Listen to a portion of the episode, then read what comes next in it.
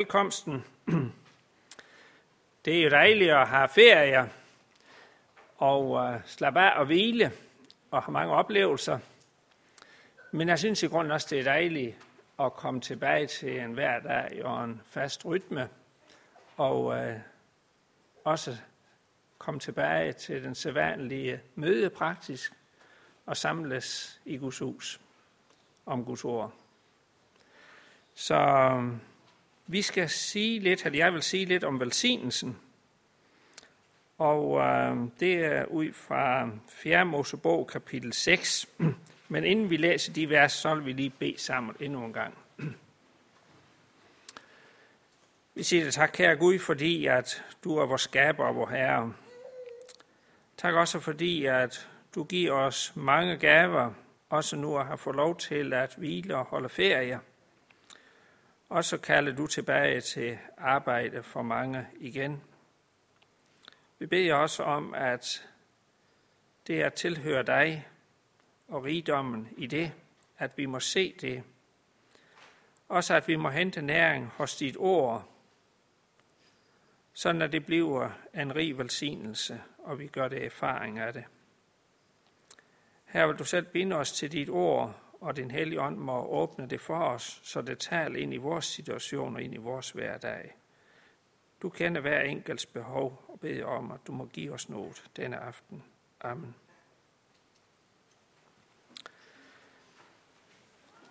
Fra 4. Mosebog, kapitel 6, fra vers 23. I bliver bare siddende ned, men vi læser alligevel versene sammen i Jesu navn. Og det står sådan. Herren talte til Moses og sagde, sig til Aaron og hans sønner, sådan skal I velsigne israelitterne. Sig til dem, Herren velsigne dig og bevare dig. Herren lader sit ansigt lyse over dig og være dig nådig. Herren løfte sit ansigt mod dig og give dig fred. Sæt mit navn på israelitterne, så vil jeg velsigne dem.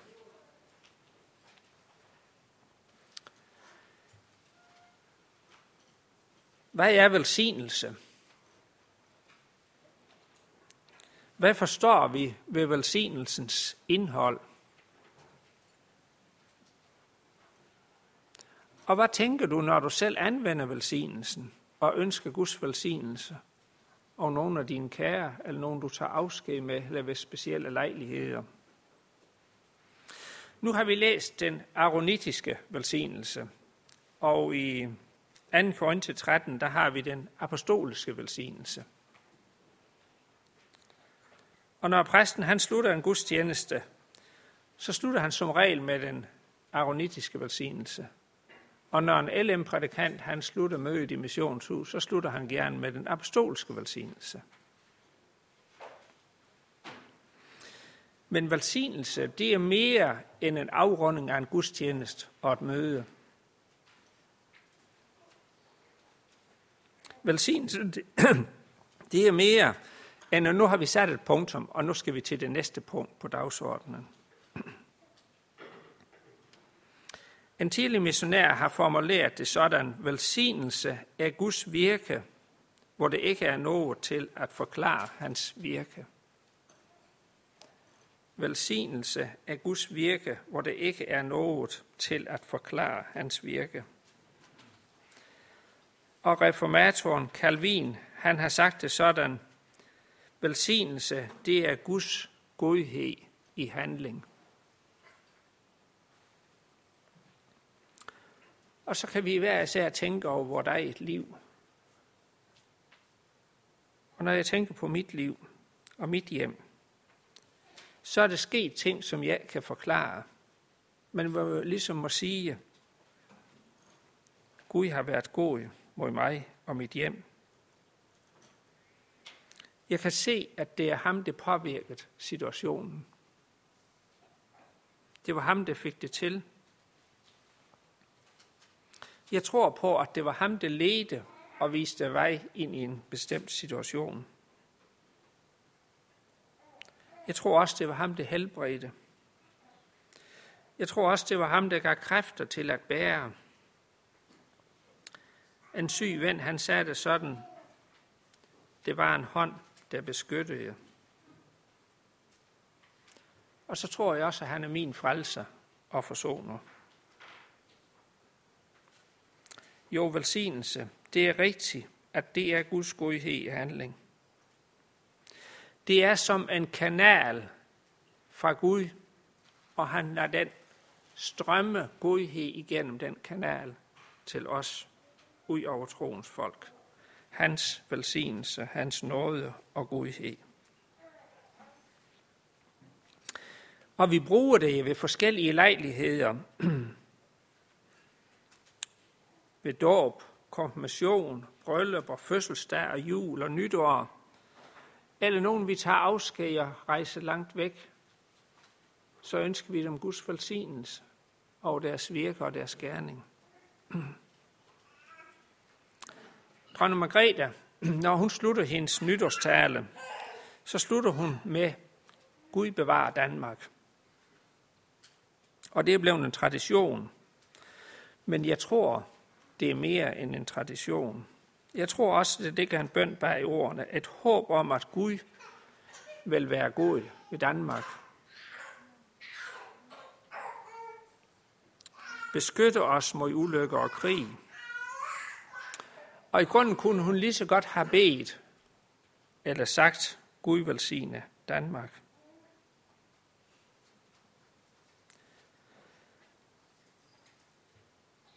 så tror jeg også, at vi kan sige, at der er mange i Danmark og mange danskere i dag, som er søgende mod et eller andet, som man måske synes, man har mistet og mangler noget i livet.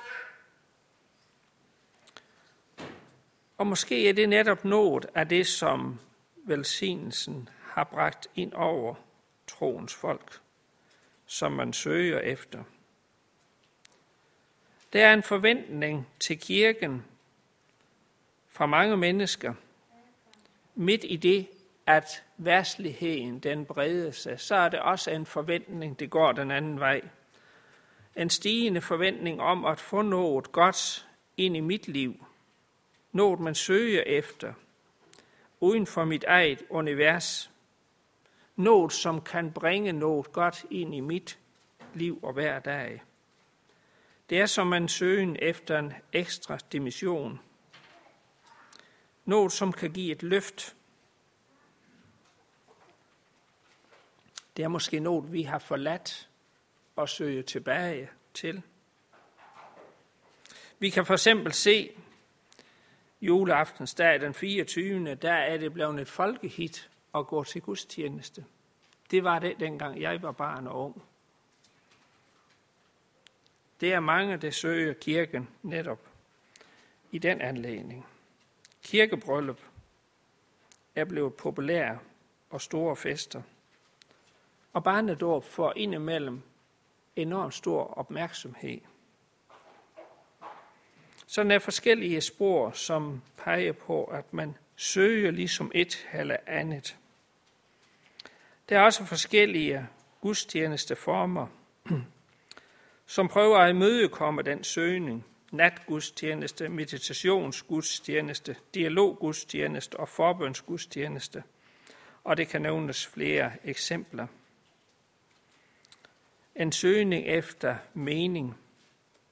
Et håb om, at der er noget, som kan bringe noget ind i mit liv. Måske julen bliver særlig god i højtid for mig, når jeg begynder i kirken. For mit barn, for mit hjem, mit ægteskab og mit arbejde. Jo, danskerne de søger ritualer og det religiøse, som om det er noget, vi har tabt. Og jeg tror også indimellem den søgning, den kan føre menneske frem til et sandt åndeligt liv med Jesus Kristus hvor der skridt for skridt kommer en erkendelse af egen situation. En erkendelse af, at jeg har brug for en uden for mig selv. En, som kan zone synd, så jeg kan få tilgivelse.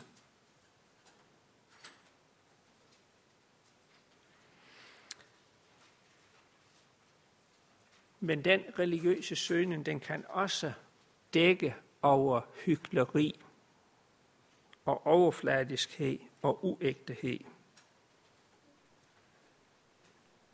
Det er ingen selvfølge for det, man er religiøs søgende, at man bliver en kristen og kommer til tro på Jesus. Hykleriet, det er en snigende far for os alle. og den kan komme på mange måder. Vi kan godt søge det åndelige og ønske Guds velsignelse over vort liv. Og så kan vi alligevel handle i strid og på tværs af Guds ord og hans ordninger. Og hvad sker det så? Så bringer vi os selv ind i en farlig situation.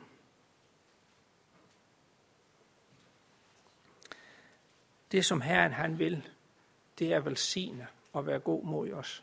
Det kan vi miste. Det kan udeblive. I 5. Mosebog kapitel 11, der står det sådan.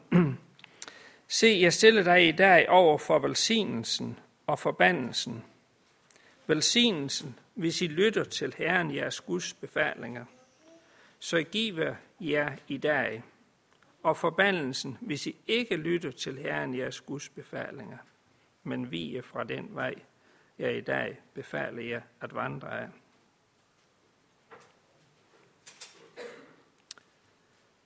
Det at lytte til Herrens ord og villigt lade sig forpligte og rette sit liv ind efter det.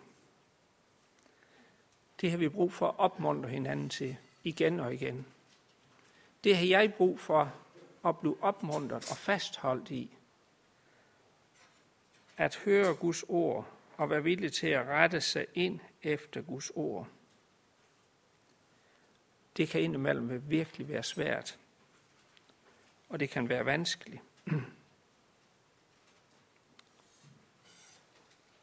Men i det hele, der kan det komme så mange ord, som lyder så rigtige og så fornuftige, og vi tænker, jamen det er nok det og det, vi skal lytte til og rette ind efter. Og så er det alligevel Guds ord. Det er mennesketanker, som kan lyde nok så fornuftige. Og så på den anden side, så kan Guds ord stå klart og tydeligt, men kan opleves hård og umenneskelig. Og det kan være så svært at leve efter og høre. Det kan gøre ondt ind i sjæl og sind.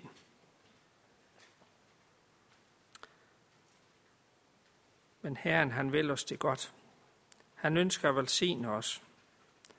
Han ønsker, at vi skal få det godt, både åndeligt og menneskeligt. Og når hans ord indimellem opleves hårdt og tungt, så er det, for det han gør livet surt for os.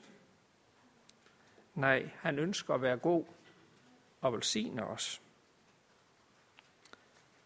Og så tror jeg, det er godt at minde hinanden om, at Gud er den, der er klogest på livets vanskeligheder og mangfoldigheder. Selvom vi ikke kan gennemskue og forstå det, så er han den klogeste. Og lytte til ham og hans vejledning. Alle andre budskaber, som tilbyder sig og kalde på vores opmærksomhed, kan let lede os den forkerte vej. Det er mange medier i dag, som fremmer den holdning, at mennesket skal begrænses på nogle områder. Alt, hvad vi har lyst til, det skal det være plads til, blot vi skader nogen andre. Og på den måde så åbnes det for utrolig meget snavs og nedbrydende kræfter. Det fører ikke ind under velsignelsen men det kan være med til, at vi bevæger os hen mod velsignelsens modsætning, forbandelsen.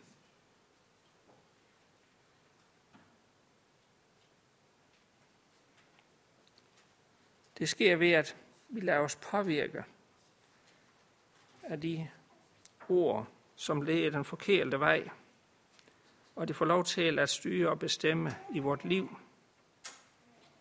Og så kan det blive en afgud. Og så flyttes fokus, og så er vi på en gal vej. I Malakias står det, den befaling gælder jer præste, hvis I ikke ejlyger og ikke lægger jer på sinde at give mit navn ære, siger herskars herre, sender jeg forbandelse over jer og gør jeres velsignelse til en forbandelse. Sådan lød det hos profeten Malakias. Hvad er det, præsterne og menighederne skal lægge sig på sinde, at give mit navn ære? Hvordan gør vi det? Hvordan ærer vi Herrens navn? Jo, ved at lære og undervise om Herrens vej. Lytte til hans ord. Og rent konkret betyder det også, at børn og junior og unge, de bliver undervist og lært i vores hjem, børnekreds, juniorkreds og videre i LMU-arbejdet. At vi lærer det ord at kende og leve efter det. Sådan at vi handler i sand Guds frygt. Sådan at vi tjener Herren i tro og kærlighed. På den måde, der er du og jeg hans navn.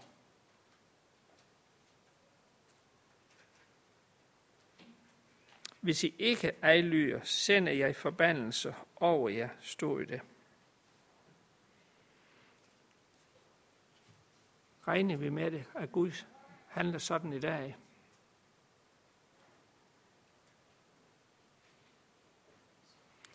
Indimellem synes det, det ser ud til, at der er nogen, der tænker, at vi kan leve, som vi vil, og så velsigne Gud alligevel. Men sådan står det Hvis vi ikke ejlyder, sender jeg forbandelse over jer.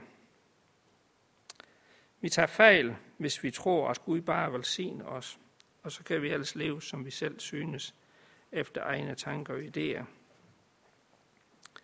Vi mennesker, vi kan bestemme over Guds velsignelse.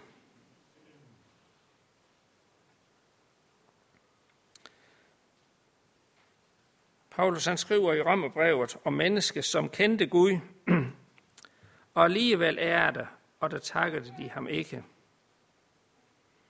Det var altså mennesker, som var oplyst, havde kendskab, vidste, hvem Gud var. Og så alligevel, så er det de ham ikke. De takker ham ikke. Han var her i deres liv og deres hverdag. Derfor er det heller ikke noget, jeg siger ham tak for. Han sagde dem ingenting. Han var blevet en ligegyldighed for dem. Alt muligt andet var de optaget af. Og hvad bliver resultatet?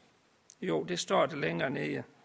Deres tanke endte i tomhed, og de blev formørkede i deres uforstandige hjerte. Det endte altså i tomhed. og så blev det formørkede og uforstandige. Men de selv, de mente, at de var vise, men de blev tåber. Man tror, at man har fundet visdommen, men i Guds ord, der står det, at de blev tåbe. Sådan kan vi få det vendt på hovedet. De mente selv at være viser og ville det så godt. Men det var tåber, og det var ondt. De kæmpede for frihed og fremskridt, men i stedet blev de bundet og kom på afstand af Gud. Det er en ulykkelig situation. Og så står der videre, derfor prisgav Gud dem i deres hjertes begær til urenhed, så at de indbyrdes vandærte deres læme. De udskiftede Guds sandhed med løgn og dyrkede og tjente skabningen i stedet for skaberen.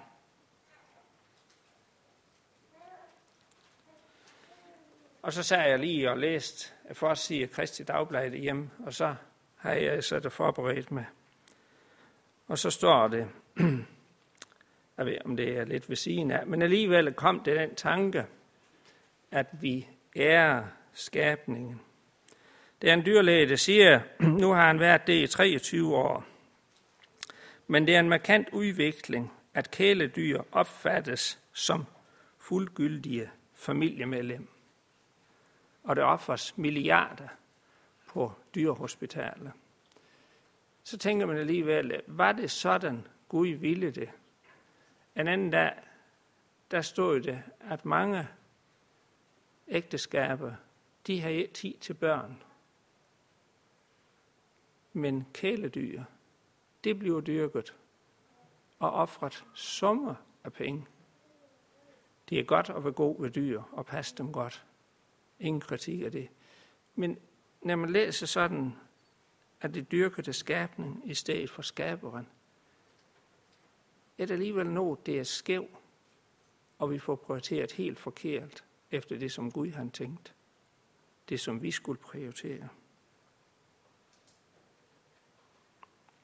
Fordi det ikke regnede det for noget værd at kende Gud, prisgav Gud dem til en forkastelig tankegang, så de gjorde, hvad det ikke sømmede sig.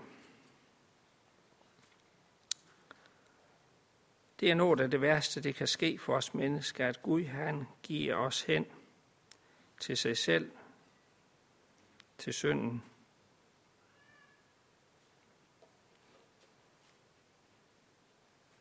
Så vi tager fejl, hvis vi tror, vi kan leve, som vi vil, og så alligevel få Guds velsignelse. Det er ikke Bibelens tale.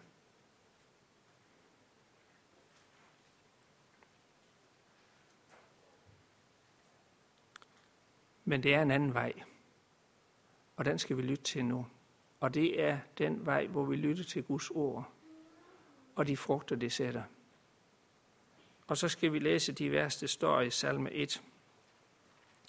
Lykkelig den, som ikke vandrer efter ugudeliges råd, som ikke går på sønders vej og ikke ser blandt spottere, men har sin glæde ved Herrens lov og grunder på hans lov dag og nat. Det er Guds ord for gyldighed.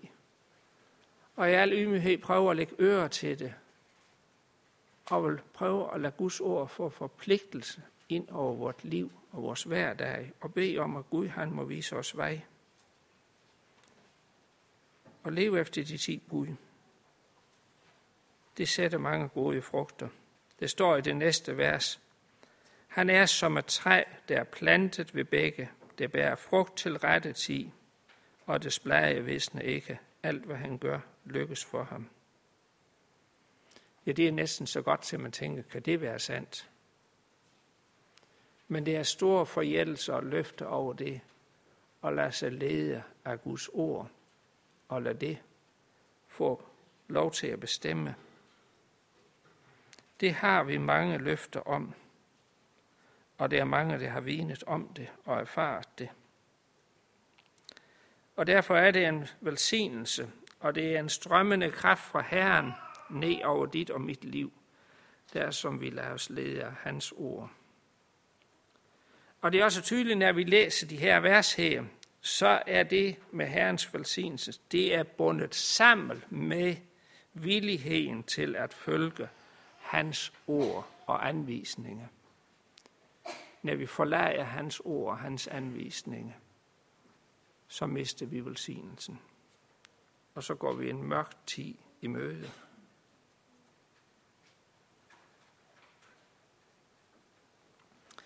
Men her, hvor vi vender os til ham, der møder vi en far, som har en hånd, der støtter, det går med, det retter op, det giver råd og vejledning. Vi kan ikke selv, men han er det, og han hjælper, og han går med. Han er ved vores side hele livet igennem.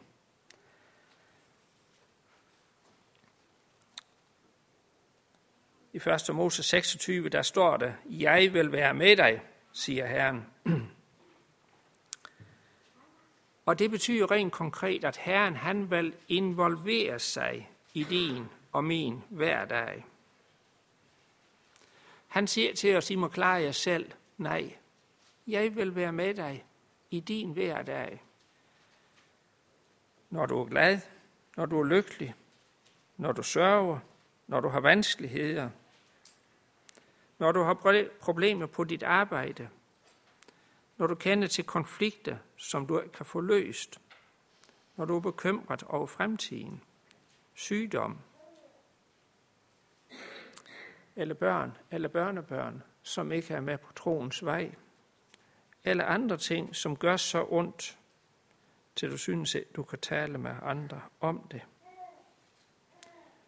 Jeg vil være med dig, siger Herren. Med i alle de problemer, alle de vanskeligheder, alle dine kampe. Jeg vil være med dig. Giv ham plads, luk ham ind. Og så siger han også, jeg vil være din Gud. Tænk at skal vi sige egen Gud. Tænk at det er en almægtig, som vil være min Gud. Som råder over alt og har alt i sin hånd, og han vil være min Gud. Ham kan du sætte alt din tillid til. Og ham kan du stole på i alle forhold. Mange andre kan du have tro og tillid til, men alligevel kan det svigte, men hos Herren. Han er den evige, den alvigende, alle stes nærværende, alle. Han ønsker at være alt det for dig og mig, som vi har brug for. Han ønsker at være Gud for os. Jo, det er et godt liv, når Herrens ord det får lov til at skabe en grund og vise en vej, så giver det en tryg tilværelse under hans velsignelse. Og så den aronitiske velsignelse. Første gang.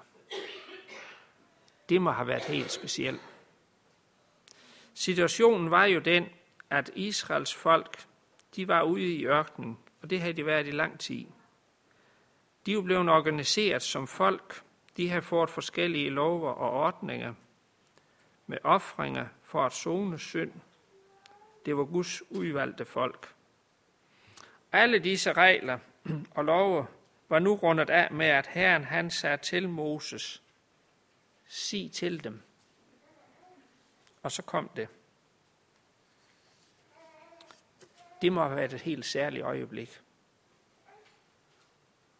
Det var Herren selv, der talte. Det var ham, der selv gav velsignelsen form og indhold. Og så siden den dag, der har den lyttet, når troens folk har været samlet.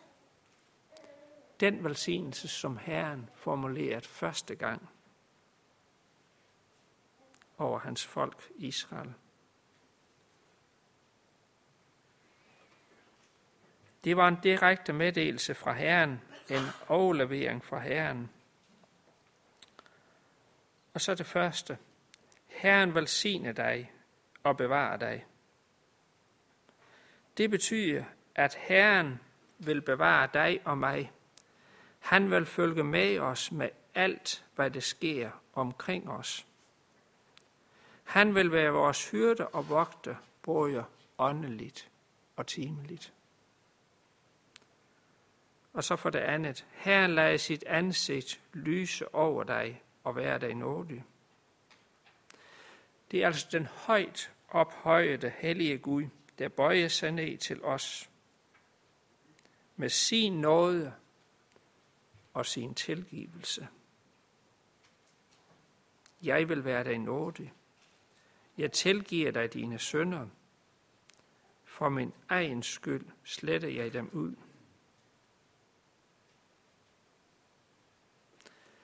lyset fra Herrens ansigt. Det møder os med hans nåde og barmhjertighed.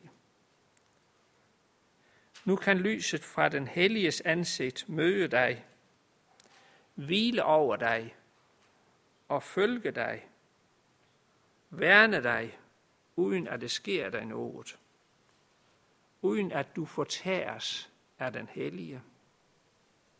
Hvorfor? Jo, for det er synden, den er fjernet. Den er sonet ved Jesus Kristus. Og nu står det så i salme 34, Herrens øjne hviler på de retfærdige. Tænk hans øjne hviler på dig. Følge dig hele livet hver dag. Du behøver at frygte. Du er en sønder. Du har meget, som er forkert i dit liv, men det er sonet. Og så den hellige Gud, hans øjne, hvile på dig. Tænk, at sådan er Herren. Og det har Jesus gjort for os. Det er virkelig stort og opløftende at have sådan et forhold netop til ham. Tænk at være i hans synsfelt nu og i den tid, der ligger foran. Det er min herre og min frelse, det har etableret et sådan forhold mellem os to. Jeg forstår det, men jeg får det at høre her, for Guds ord siger det. Det er hans egen mund, og så tror jeg det. Jeg tror, det er sandt, det han selv siger.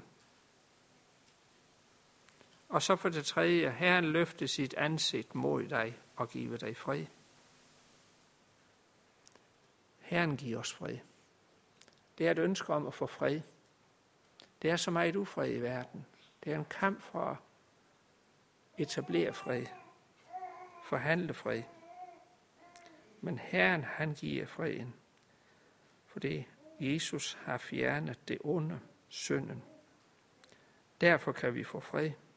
Han har kæmpet for os og sejret over fjenden. Og fjenden er slået tilbage. Han har ikke mere magt. Derfor kan han give os fred. En evig fred. Til dig, som har brug for Herrens fred. Til dig, som har et åbent sind og takker ham for det, han har gjort. En fred, som var evigt. Velsignelsen, den handler om tre forhold. Herrens omsorg, hans tilgivelse og Herrens fred. Og så siger Paulus i Efeser kapitel 1, vers 3, Lovet være Gud, hvor Herre Jesu Kristi Far, som i Kristus har velsignet os med al himlens åndelige velsignelse. Tænk at stå der under Herrens velsignelse, for det er Kristus, han har tilvejebragt en velsignelse. Alt himlens åndelige velsignelse, den er tilvejebragt igennem Jesus til dig og mig. Det er fantastisk at være Guds barn. Lad os følge Jesus og følge hans ord og tro ham. Amen. Så tager vi det her, fordi at du har tilvejebragt freden, den evige fred, som har sonet det fjendskab, som var mellem os og dig. Tak, Herre Jesus, at du kom og tog denne skyld og blev denne forsoning. Og så har vi fået del i denne fred og himlens åndelige velsignelse. Det takker vi og priser dig for, Herre Jesus. Og så vil vi bede om, at når du taler gennem dit ord til os, at du må give os et åbent øre og et villigt sind til at høre og til at lytte og følge dit ord. Her giv du os villighed til det. Amen. Og så vil jeg gerne, at vi kunne synge nummer 444. 444.